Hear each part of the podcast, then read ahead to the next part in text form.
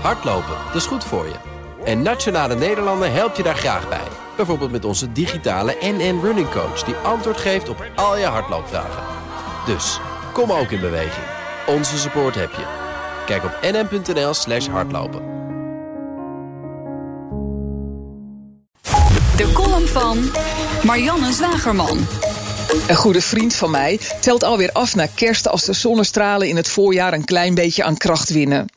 Als andere mensen fluitend de tuin loungebank uit de schuur sjouwen, twittert hij videoclips van Mariah Carey in kerstvrouwtjeskostuum.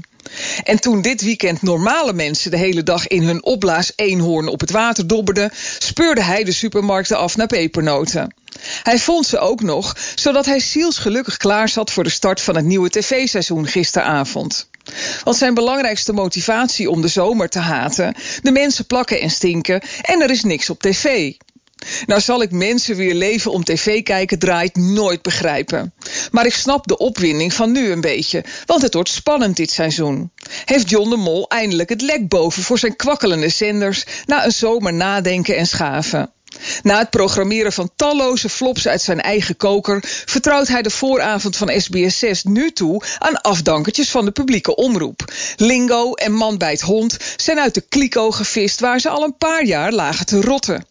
De makers van Man bij het Hond hebben er vertrouwen in, zeggen ze in de Volkskrant. Want meer dan ooit is er behoefte aan een magazine dat gewone mensen een gezicht geeft. De hardwerkende Nederlanders, de mensen die je nooit op tv ziet. Nou herken ik deze behoefte wel, maar de vraag is of je dat moet doen met een programma waar de kijkcijferglans al jaren van af was. Nostalgie beklijft meestal niet. Denk maar eens aan alle vergeten vriendschappen die weer even leken op te laaien toen mensen elkaar na jaren massaal via Facebook weer terugvonden.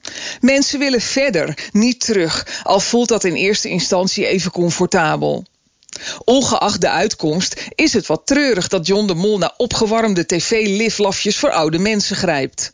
Twee jaar geleden zei hij nog dat niet de Nederlandse tv-zenders, maar Facebook en Google zijn concurrenten zijn. E-commerce, big data, gaming, alles zou hij in de strijd tegen Mark Zuckerberg gooien.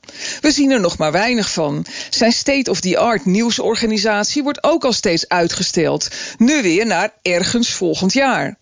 De toekomst bouwt de mol nu met gebruikte afgesleten stenen. Ben benieuwd of die de kerst halen.